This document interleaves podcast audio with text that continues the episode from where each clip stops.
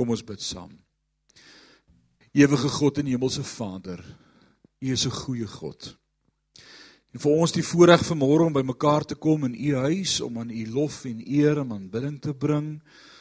Vanmôre te verklaar dat ons God 'n ewige God is, onveranderlik, gister, vandag en tot in alle ewigheid dieselfde.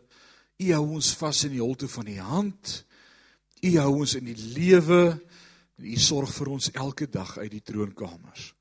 En daarom is ons vanmôre hier om vanmôre te sê daar is niemand soos U nie.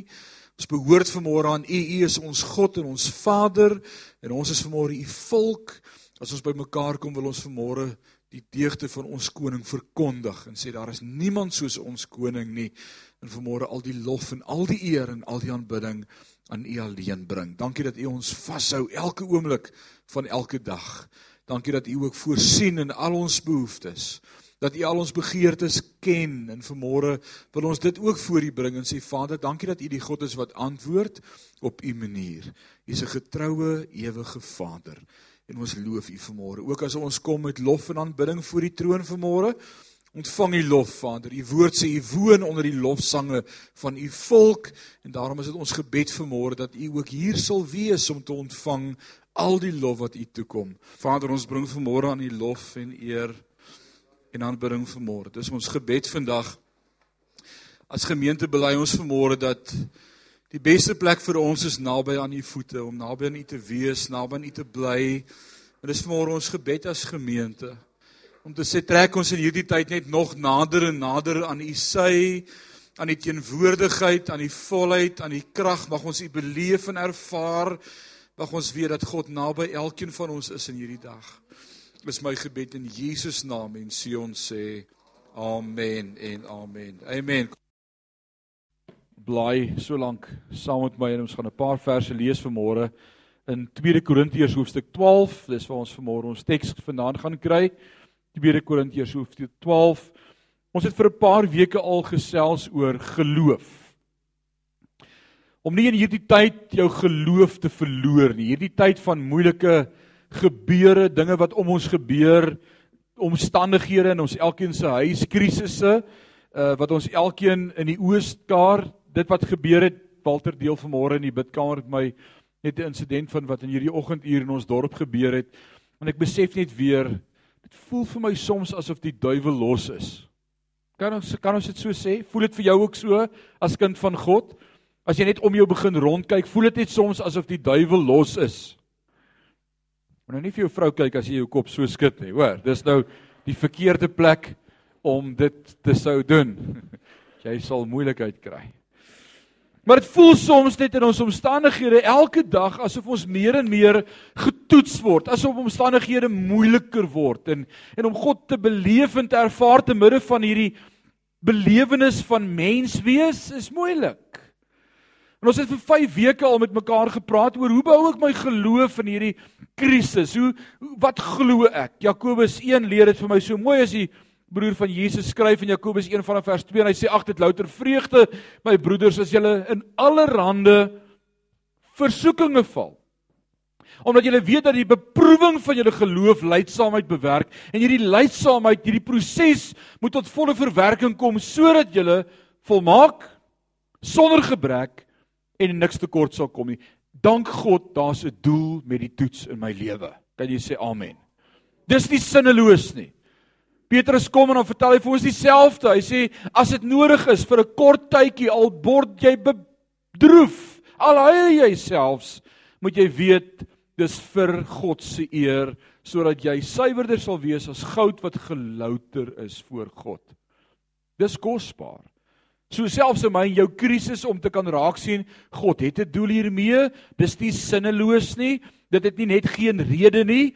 God is nie kwaad vir my nie. Hy straf my nie. Nee, hy hou my vas in die toets. En dis die awesome om dan regte kan glo en ons het gekyk na geloofshelde in die Ou Testament ook en hoe hulle geglo het in hulle uur van benoudheid. Ons het gekyk na Abraham met Isak. Ons het gekyk na Dawid wat gebly glo het. Hoop teen hoop. Nou vanmôre wil ek met jou praat en dis een van die dinge wat mense vir my sê wanneer ons ons geloof verloor is omdat God nie dadelik antwoord nie of God glad nie antwoord nie of God selfs soms nee sê. Jy sien ons dink dat as ons lank genoeg bid, lank genoeg pleit by die Here dat hy eventually sal ja sê.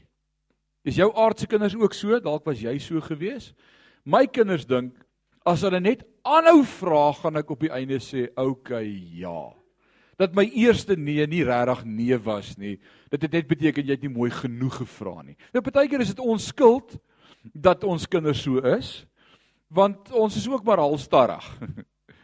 en dan sê ek nee, ek's nie lus nie. Ag pa, asseblief kom skop saam met ons bal. Nee, dis Saterdag, mag nie op die Sabbat bal skop. Asseblief pa, kom.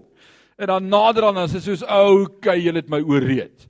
En soms dink ons dis ook ons verhouding met God. Want daar's gelykenisse in die Bybel wat Jesus self vir ons leer wat sê hou aan en hou aan soos die vrou met die onregverdige regter. Kan julle daardie gedeelte onthou waar Jesus gesê het sal daar sulke geloof op die aarde wees wanneer die seun weer terugkom na die aarde toe? Sal daar sulke geloof nog op die aarde wees? 'n Vrou wat aanhou en aanhou en aanhou en aanhou en God wil hê ons moet aanhou bid. Sy woord leer ons hou aan met bid, hou aan met vra, hou aan met soek. Dis sy dis wat hy ons wil leer. Maar nou wil ek vir jou sê vandag daardie aanhou is nie altyd sodat God sal uiteindelik ja sê nie. Wat gebeur in daardie proses van aanhou om God te soek en met hom te praat en sy teenwoordigheid op te soek en en en, en deur te druk na hom toe? Wat wat is daardie proses se doel in my lewe? Ek wil vir jou sê baie keer om my hart te verander. Is dit nie so nie? God se wil verander nie. Maar wie verander in die proses? Ek verander. Want nader aan dan praat God met my dan sê hy, "Wil jy regtig dit so hê?" Dan sê ek, "Jesus, Here, is okay as ek dit ook nie kry nie." En ek wil vanmôre jou help om om te sê, "Hoe moet ons optree? Wat moet ons doen as God nee sê?" Want ek dink ons beleef ook soms 'n krisis as God sê nee. Want God sê soms nee. Ons sing dit in ons gemeente. Ons het 'n lied wat sê you're a good good father. That's who you are. And I'm loved by you. That's who I am. Maar weet jy wat? Johan, jy's 'n liefdevolle pa. Ek hoop jy het al jou kinders lief. Ek weet almal is nie jou kinders wat hier sit vanmôre nie. Ek verstaan. Is julle almal okay? Sê jy soms vir jou kinders nee? Maar jy staan 'n liefdevolle pa. Dis oor ek vir hulle lief is dat ek soms sê nee. Nou hoe verstaan ons daardie konsep van as God 'n God is van liefde, hoe sê hy soms vir ons in ons lewe? Nee, dan wil ek vanmôre sê daar is boeke en boeke en boeke geskryf en op die rakke beskikbaar oor wanneer God ja sê. En dis lekker as God ja sê. Hoe om dit te noem en te roep in bestaan en spreek net lewe en jy moet 'n verwagting hê en vyf maniere om God se blessings te beleef en 10 maniere om bo uit te kom in die lewe en sewe trappe na 'n beter lewe en 50 dae na kleiner jy. Daar's allerlei trappe na suksesverhale, maar wat van as God nee sê? Daar's nie sulke boeke op die rakke nie. God sê nee. Nou wil ek jou help hoe om daarmee te deel vanmôre want dan word so min gesê oor wanneer die lewe my nie gee wat ek wil hê nie en wie weet dis die waarheid. Ek dink elkeen van ons kan vanmôre getuig daarvan dat die lewe jou nie altyd gee wat jy gedink het dit gaan wees. Hierdie lewe is vol paradokse. Wat is 'n paradoks? Daardie ding waaroor jy aanvanklik opgewonde is en na die tyd uitvind, o gats. Dit was toe nou nie so nice nie. Wie van julle kon nie wag vir julle eerste kind om gebore te word nie? Nee, ek spot, dis 'n verkeerde paradoks gehad. dis dis 'n verkeerde voorbeeld. Die feit dat julle lag, verstaan ons almal.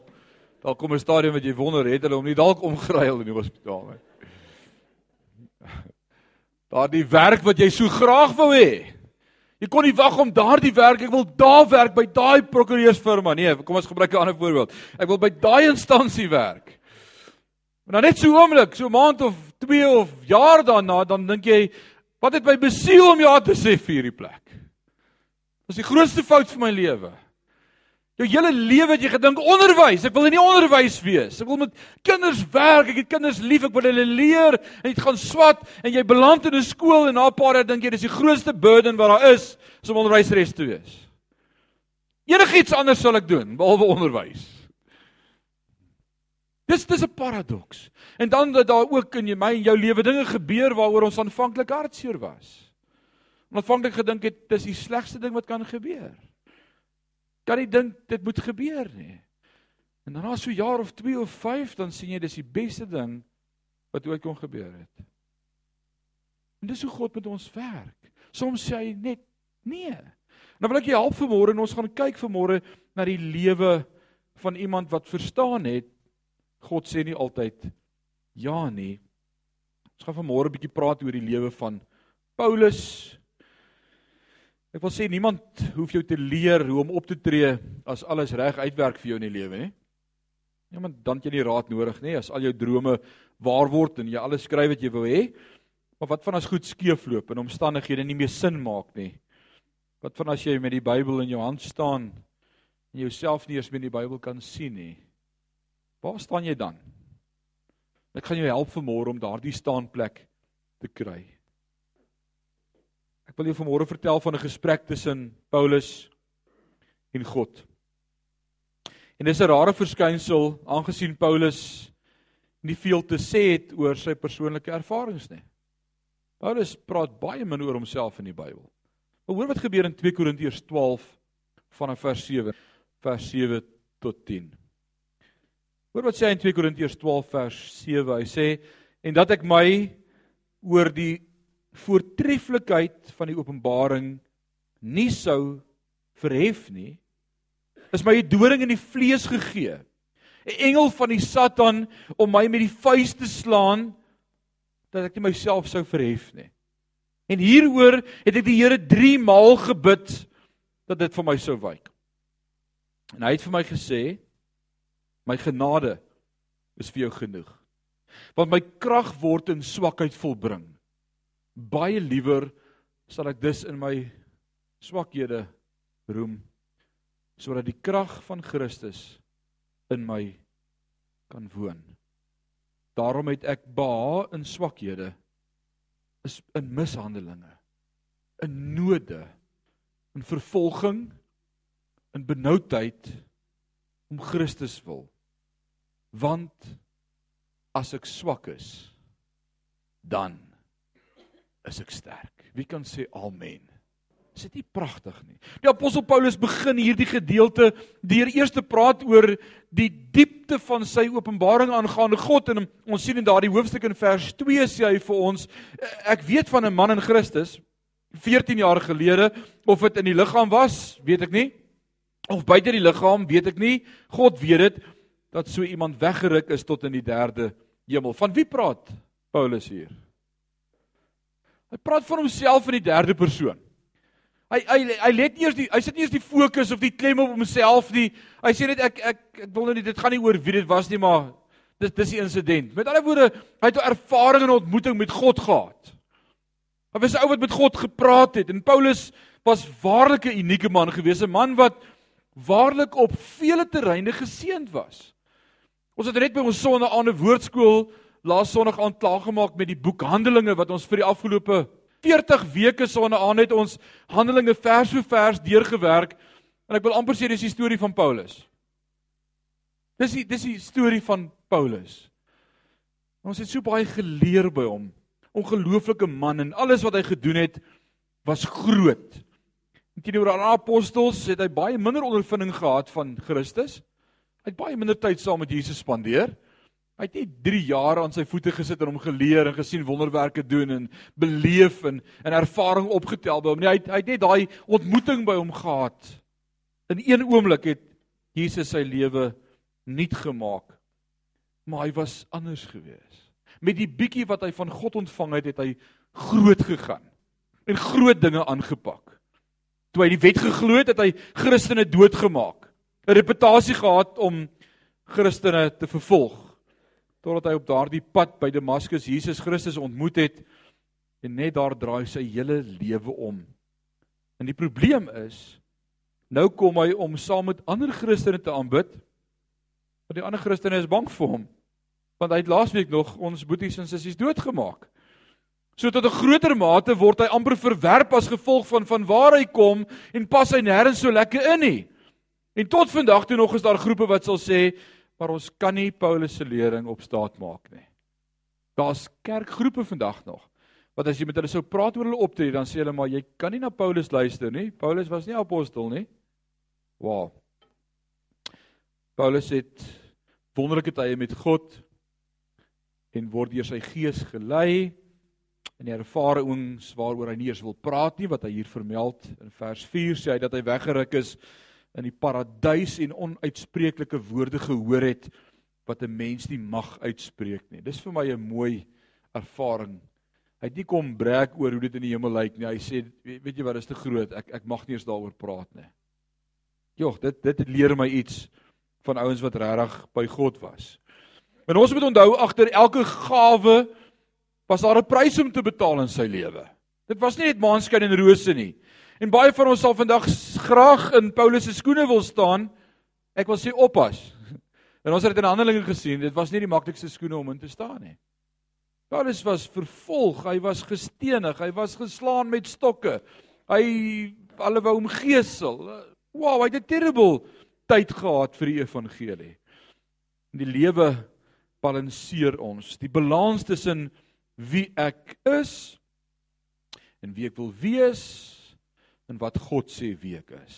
My drome balanseer teenoor die werklikheid. My sterkers balanseer teenoor my swakhede. My oorwinnings balanseer teenoor my tragedies. Right? En ek wil sê almal van ons het hulle. Almal van ons het hulle. Die lewe is regverdig. Almal het nie net hoogtes nie. Almal het nie maanskyn nie. Almal het nie net rose nie. Party kan nie net die stele nie. Jy het oomblikke van oorwinnings en dan is daar oorlike van swak wees. Hulle sal dalk nie daaroor praat nie, maar elke ou wat bo uitgekom het of lyk asof hy bo is, kan ook vir jou vertel van seer en van onderwees. Is dit waar? 'n Ou wat onder is, pas nie net altyd nog onder nie. Hy kan vir jou vertel van tye van blessings en van bo wees. Hoor wat sê Paulus hier in 2 Korintiërs 12 vers 7. Hy sê: "En dat ek my oor die voortreffelikheid van die openbaring nie sou verhef nie, is my 'n doring in die vlees gegee, 'n engel van Satan om my met die vuis te slaan dat ek my nie sou verhef nie." Nou ek wil praat met jou vir 'n oomblik oor om my met die vuis te slaan. Wat beteken dit? Wat beteken dit? Ek wil praat met die van ons wat sekere areas in jou lewe baarlik gebless word en gebless is en daar is ander areas in my lewe waar dit vir jou voel asof jy geslaan word. Dalk is jy suksesvol. Dalk dalk dalk kyk mense op na jou en jy's 'n leier. Maar jy sukkel met 'n siekte. Jy sukkel met 'n toestand in jou eie lewe. Dalk is jy gesond en jy maak keer niks nie. En, en liggaamlik is jy fine maar daar's 'n finansiële kant van jou wat jy's dalk kort het. Dinge wil net nie uitwerk nie. In elkeen van ons se lewe is daar so iets. Paulus sê dis 'n engel van Satan. Nou is dit nie ook 'n paradoks nie. 'n Engel klink na 'n great ding, né? 'n Engel. So ek vir jou sê ek stuur vir jou 'n engel. Maar nou nie vir jou vrou sê my engel nie, of vir jou man sê my engel nie. maar dit klink na 'n blessing en dan sê hy maar as 'n gesant of 'n stuurling van die duiwel af. Dit is interessant. Hoekom het Paulus nie hierdie gesant of engel van die duiwel gebind en hom weggejaag nie? Want dis mos deel van dit wat ons glo ons kan doen as kinders van die Here. Dat ons die vermoë het om die duiwel te kan bind en hom weg te jaag. Nou dan wil ek dit sommer vanmôre weer lê somme net uit hierdie gedeelte uit eenvoudig. En ek wil dit so mooi quote en ek wil vanmôre die woorde aanhaal van een van ons teoloog van ons dag, baie bekend by julle dalk nog, John Piper, groot baptist prediker, en sy woorde die volgende wat hy sê, the devil is God's devil. En ek dink hoe meer ons daaroor begin dink, hoe meer besef ek dat die duiwel aan my en jou niks kan doen wat God hom nie toelaat nie. En ek wil sê as kind van God is dit 'n wonderlike plek om te hê in jou lewe. Wanneer jy verstaan dat die duiwel nie magte oor jou het en jy net uitgelewer is aan al sy magte nie, maar God het die laaste sê.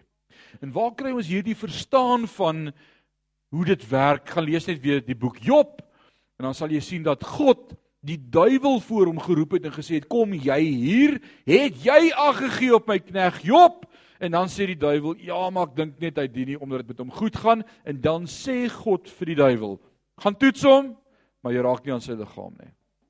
En dan 'n tweede keer as hy weer voor hom kom en sê maar dit gaan nog steeds goed met hom dan sê hy gaan toets hom maar jy maak hom nie dood nie. Sien die duiwel kan aan jou niks doen wat God nie sê is reg nie. En as ek en jy dit begin verstaan in ons lewe, is dit makliker om oorwinnings te beleef. Want ek sien dit uitgelewer aan die duiwel en ek moet bind en bestraf en bind en hier keer en daar keer en as jy die hele tyd nee. En dan kom Efesiërs en hy sê vir ons, maar ons ons ons ons stryd is nie teen vlees en bloed nie, maar teen die bose magte en die owerhede in die lig. Ons het 'n stryd, ja. Maar ek wil sê met God is ek meer as 'n oorwinnaar. En daarvan is die woord vol. Ons is meer as oorwinnaars. Ek het al gehoor dat reken mense reken wat was hierdie vuishou gewees wat die duiwel vir Paulus toegedien het. Daar's mense wat sê dit was swak sig. En sy oë besig was om in te gee. Dit was liggaamlik. Iemand het nou die dag gereken, hulle dink dit was aanbye. 'n man wat hom fisies aangeval het dalk want hy sê dis 'n gesand van Satan wat hom slaan in die vuis. Wel ek wil vanmôre sê ons is nie seker daaroor nie. Ons het eintlik nie 'n klou nie. En dan is vanmôre goed om te sê ons weet nie alles nie. Is dit die waarheid? Ons weet nie alles nie. Maar wat ek weet is God sê ek het die laaste sê. En God sê vir Paulus, my genade is vir jou genoeg. Wat ons wel weet is dit was vol innerlike pyn. En dit was vir hom vernederend geweest. Maar God praat met hom nadat hy 3 keer bid en die Here sê vir hom my genade is vir jou genoeg. Met ander woorde soms sê God vir my en vir jou nee. Hoe hanteer ons dit dan? Want Paulus sê in vers 8 hieroor het ek 3 maal gebid dat hy van my sou wyk. Dis nie 'n gebed vir parkeerplek in die dorp nie, ouens. Ons kan dit nie in dieselfde lyn sit nie. Hierdie is nie 'n gebed vir dit wat my man vir my vir Kersfees gaan koop nie. As hy sê ek het 3 maal hieroor gebid, wil ek vir jou sê, as jy Paulus se lewe net bietjie aanskou van Handelinge, dan het hy ernstig daaroor gebid. Hierdie was 'n ernstige God vasgryp en sy naam aanroep en ernstig bid hieroor. En na 3 maal kom die Here by hom en sê my genade is vir jou genoeg. Hy het nie net 3 keer gebid om die dooie man wat by die venster uitgeval het op te wek nie. Hy het een keer gebid. Kan julle onthou daar in Handelinge? Hy hy sou die volgende dag vertrek en hy bid daar dwars deur die nag praat hy met hulle en die een broer sit daar in die venster en hy raak aan die slaap en hy val by die venster uit en hy's mors dood. En Paulus sê so gaan jy nie hier wegkom nie. Jy het nog 'n paar dinge om te luister. En hy bid hom lewendig en sê kom laat ons verder preek. Ons het nog baie om te leer. Hy, hy het nie drie keer daarvoor gebid nie. Hy het een keer gebid nou hoe werk dit dan dat God ons antwoord as ons verander bid maar as ons vir onsself bid soms dan werk dinge nie so lekker nie het jy dit al beleef Dat as jy vir iemand anders bid, dan gebeur goed en God antwoord. Dis maklik om vir iemand anders te bid vir genesing, maar soms vir jouself, dan is dit soos my Here, hoekom genees U my nie? Wie van julle het dit al beleef? Dis dis hoe dit werk. Hoe hoe werk ons dan daarmee? Hoekom is ons so wys met ander se probleme, maar so dwaas met ons eie? Wie weet die antwoord vir daai een?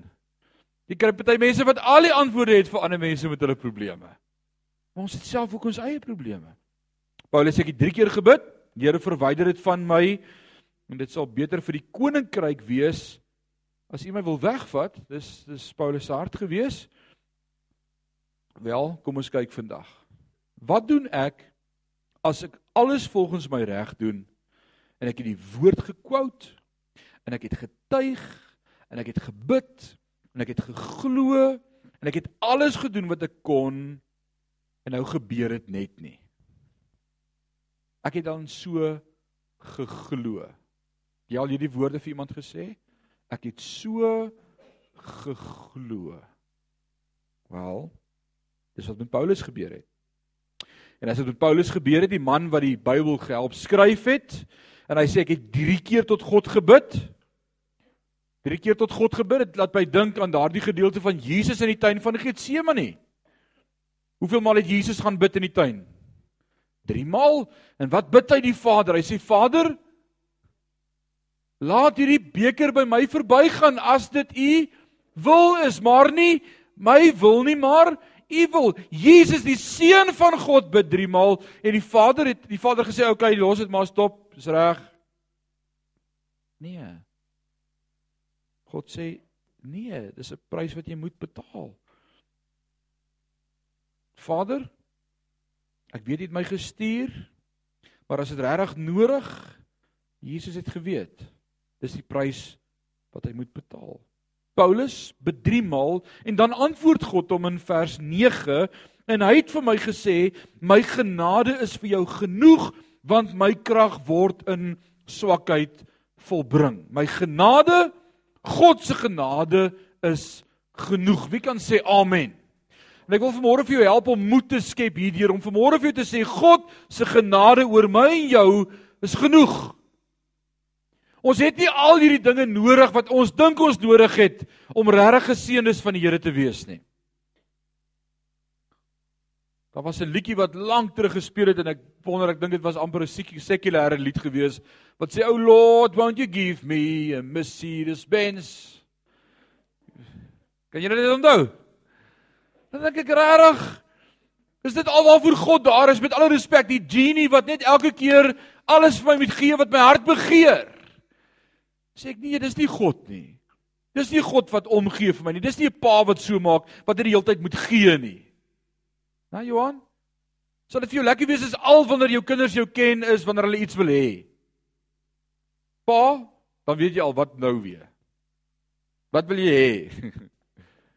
Nee. En, en baie keer dan dink ons dis ons verhouding met God. Ons kan net vra en vra en vra. Eh, eh, kry maar 'n bidgroepie by mekaar. Ons sê ons gaan 5, kom ons bid gou 'n bietjie saam. En dan begin ons so op die ry af bid en dan hoor jy, dis net 'n gevra. Daar's nie danksegging nie, daar's nie aanbidding nie, daar's nie lofprysing nie. Daar's nie net 'n verstommenheid oor sy grootheid en sy almag, net buig voor hom en sê U is alleen God. En ek wil vanmôre net kom sê dankie. Daar's 'n gevra. As jy jou stilte tyd hou, dan jy daai lysie dan sê Here ek wil nou net hier by punt 1 begin is punt 1 en punt 2 en punt 3 en punt 4 en punt 5 en so bid jy hulle deur. O ja Here ek het vergeet sy het 'n kleintjie gekry intussen ek wil vir haar bid. Ek weet nie wat sy naam nie maar u ken haar naam. En so bid ons net dis heeltyd net vra vra vra. En ek wil sê dis nie hoe ons verhouding met God moet wees nie. Dit beteken as God net die hele tyd vir my gee dat hy 'n goeie God is nie. Nee. God se genade is vir ons genoeg. Ek en jy moet glo Dis genoeg vir ons. Ek wil vanmôre 'n illustrasie doen om jou te help om hierdie raak te sien. sien jy hierdie klein dromstoeltjie? Dis ou dun pypie. As ek moet skat, dan sit 'n 1 duim pypie in. Ja, hy's nog hollok. So hol pypie. Maar die dromstoeltjie het 'n stiker opgehad toe ons hom gekoop het wat gesê het 150 kg. As jy 'n matras koop, dan kyk jy mos wat staan daar op die stiker. Jy het nie daai probleem nie. OK. Maar jy moet seker maak wat daar staan op daai stiker. Want as die springs buig, kan jy nie terugvat nie. Alraai. Hierdie stoeltjie sê 150 kg kan hy handle. Ek is dank die Here nog nie daar nie. Maar ek glo dat daai stoeltjie kan doen wat hy sê hy kan doen.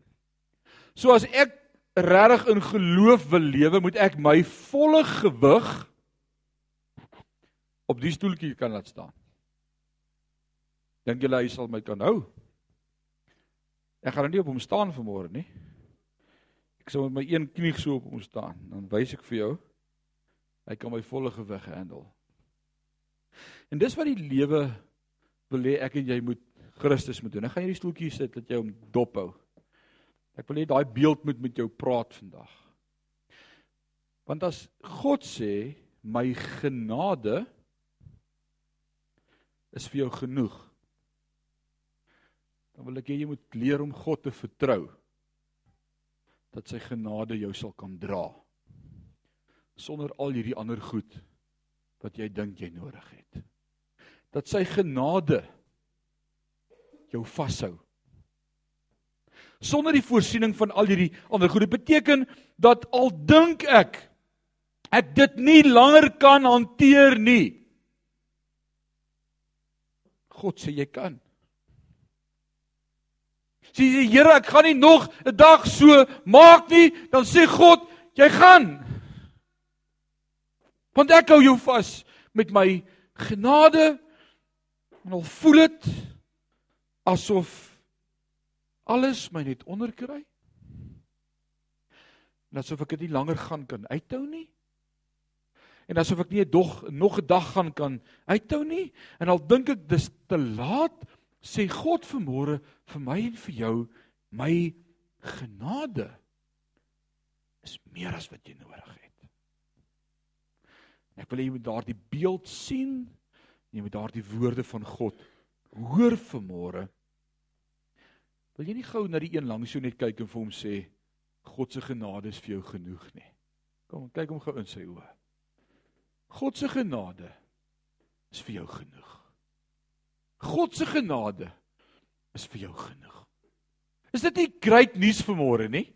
Dis dalk nie die preek wat jy gekom het om te hoor nie. Dalk wou jy vanmôre gehoor het vyf stappe na 'n nuwe lewe of 'n lewe van oorwinning, maar ek het vanmôre nodig om vir jou te sê as God jou vashou, jy niks meer nodig nie.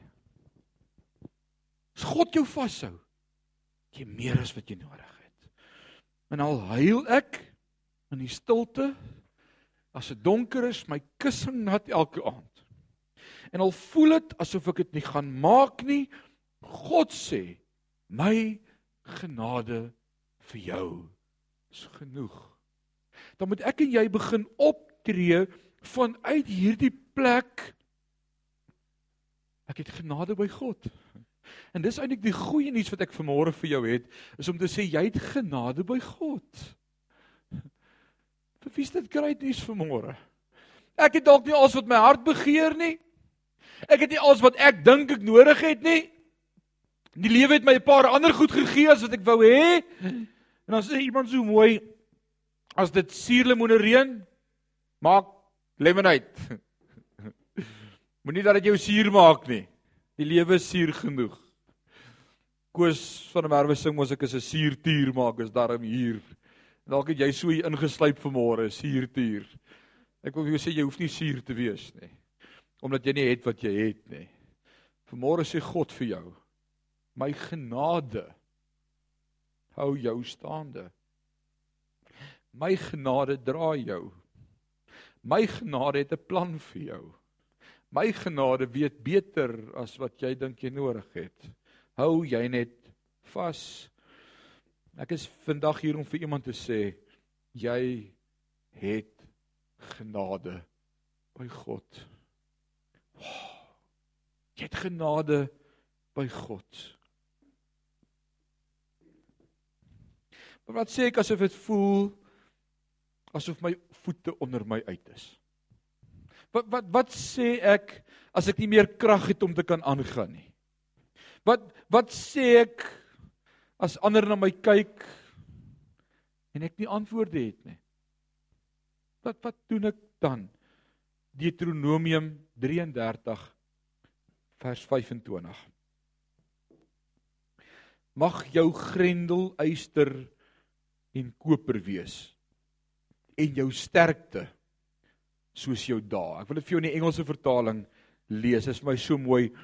Thy shoes shall be iron and brass and as thy days so shall thy strength be. Hoe moeiliker die toets, hoe meer gee God vir jou krag. Hoe dieper die water waardeur jy moet swem, hoe meer is God by jou. Hoe meer probleme jou kant toe kom, hoe meer openbaar God homself aan jou as die God wat voorsien. Hoe groter die krisis, hoe groter jou belewenis van God se teenwoordigheid.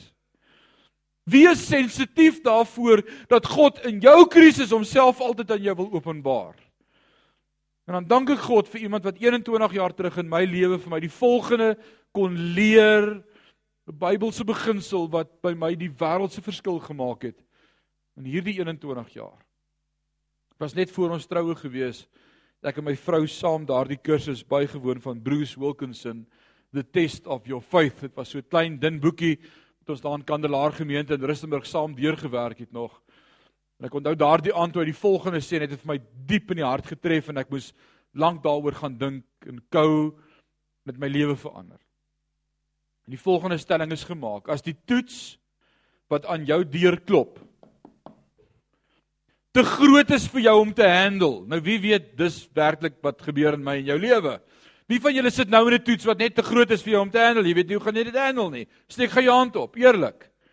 As jy nou in 'n krisis sit en jy weet net nie hoe gaan jy deurkom nie, steek op jou hand. Hou hou hom gou so oomblik daarbo. Baie min van julle is eerlik vanmôre, maar dankie vir die eerlikheid. Jy weet net nie hoe gaan jy deurkom nie. Nou hier, hier het ek die antwoord vir jou vanmôre. En hoor mooi wat sê ek vir jou vandag. As die toets wat in die deur klop te groot is vir jou om te handle, is dit God self wat daardie toets jou kant langs stuur. Dis sover dink dit nog nie lekker nie, maar hou vas, dit raak nou beter. Dis God self wat daardie toets jou kant langs stuur sodat hy vir homself 'n geleentheid kan skep om vir jou te voorsien sodat jy opnuut 'n rede kan kry om te sê wow is that amazing soveel keer in hierdie 21 jaar in my lewe het daar goed gebeur.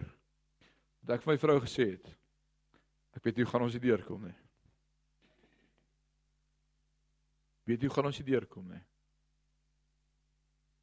En dan onthou ek daardie woorde van Bruce toe hy vir my gesê het as dit vir jou te groot is en jy weet nie hoe gaan jy daar deurkom nie. Dan kyk jy na God en dan sê jy Here, dankie dat U hierdie omstandigheid geskep het sodat U vir my kan wys dat U God is Ek kan nie wag om te sien hoe ons hier gaan deurkom nie. Ek wil vir jou sê dit verander jou lewe. En ek kan vir jou vandag vir ure besig hou met getuienis op getuienis in my lewe oor hoe God elke keer voorsien het. Ons is in ons eerste gemeente. Ek's 'n jeugpastoor 20 jaar terug. Nee, ek jok, my kind is nog nie 20 nie. Dis is die pastoor wat gesê het lank lank gelede terwyl hy na sy preek blaai en toe sê hy baie baie lank gelede en hy kan nie sy preek nie sy kinders het dit uit sy Bybel gehaal voor diens. En hy blaai en hy sê jare gelede honderde jare gelede eeue gelede ja laasweek het dit dit voel as jy 'n kind het van 14 asof dit eeue gelede was Maar ek onthou 14 jaar terug. Daardie nag, dit was die aand gewees met my verjaarsdagpartytjie die 3 Desember en ons groet ons laaste vriende by die hek en toe ons terugkom, Christian was 6 maande oud gewees daar in sy kot in die Jagerstraat 33A, Vuurgard Park, Bloemfontein. En toe kom ons so uit die kot uit optel om bed toe te vat. Toe brand die kind my hande. Hy's vuur warm. Hy't nog nie 'n dag siek gewees in 6 maande nie. En ewe skielik is hy vuurwarm. En die eerste ding wat jy as 'n onervare ouer doen is jy gryp die koorspen. Die koorspen weet alles. En die koorspen sê toe vir ons 41. Alraai, nou 41, wat beteken dit? Dit beteken dis baie baie warm. So wat doen jy nou? Wanneer gee jy medisyne? Wanneer gee jy nie medisyne nie? Wanneer bel jy die dokter? Wanneer bel jy hom nie? Wil eerder 'n versigtige ouer wees. So ons bel ons huisdokter wakker. Gelukkig was hy by ons in die gemeente of ongelukkig vir hom uh ons bel hom wakker en ons sê luister wat nou hy sê nee die kind moet dadelik gee hom 5 mil ponstel en ponak kan jy die kombinasie onthou dit het nooit vergeet nie ponstel en ponak en uh gee hom 'n halfuur spons hom af met lou water dit behoort te breek halfuur later weet ons weer die kind skree blou moord bly warm 41 hy sê kry hulle by universitas hospitaal. Jaag soontoe kry hom onder boek hom in vul al die vorms in. Ek vind daardie nag uit dat my mediese fonds hom nooit bygesit het op ons hospitaalplan toe hy 6 maande terug gebore was nie. Ek en my makelaar het drie dae met mekaar op en af geskree en ek het gesê maar ek het dit vir jou gestuur en hy sê jy het nie vir my gestuur nie. Ek sê maar jy weet my kind is gebore en hy sê maar is nie op skrif nie. Kort en die lank is daardie paar dae in die hoë sorg in Figart ag in Universitas word toe my rekening. Ek is 'n jong jeugpastoortjie, ek kry nie 'n groot salaris nie en ek sien die rekening loop op en hulle kry nie fout nie. Daardie nag sê die dokters vir my ons wil 'n lumberpunch doen. Ek sê doen net wat nodig is om te help. Hulle sê ons weet nie wat's fout met die kindie, so ons gaan 'n lumberpunch doen. Ek sê dan moet julle dit doen. Nou is nog hierdie konflik met jou vrou ook. Wat dan sê sy vir jou nee en jy sê maar ek ek voel ons moet dit doen. En en, en dis net hierdie die hel breek los. En vir 3 aande maak ek en sy beurte om langs die kind se bed te slaap. Dan gaan stort sy, dan sit ek daar, dan kom sy terug, dan ry ek weer, dan gaan stort ek. So slaap ons langs die kind se bed en ons probeer vir hom sorg. Hy lê in 'n doek. Daar's nie 'n kombersie oor hom nie en sy koors bly 40, 41, 40, 41. As die medisyne uitgewerk is, is die koors op. 3 dae. En ek voel in hierdie 3 dae al wat ek bid is Here, wat gaan nou aan? Ons verstaan dit nie. Dis 'n krisis. Na 3 en 'n half dae kom die pediater weer al verby. Hy maak sy doek so los en hier op sy doek se rek is daar so 'n paar spikkeltjies. Hy sê: "My genade, dit was baba masels. Dit behoort môre oor te wees." Ek wil loof die Here daarvoor, maar ek sit met 'n rekening van R15000. Nou is gaan die gesprek nou aan tussen my en die Here. Alraai, die kind se krisis is verby. Die ma kan die kind huis toe vat, maar nou is dit my krisis. Nou sê ek julle moet maar ry. Nou sit ek daar, ek moet nou hier by ontvangs verby. Het jy al so gevoel in jou lewe? Here, ek weet nie hoe gaan ek by ontvangs verbykom nie. Ek kan nie eers 'n cheque uitskryf nie. Ek het nie 'n chequeboek nie.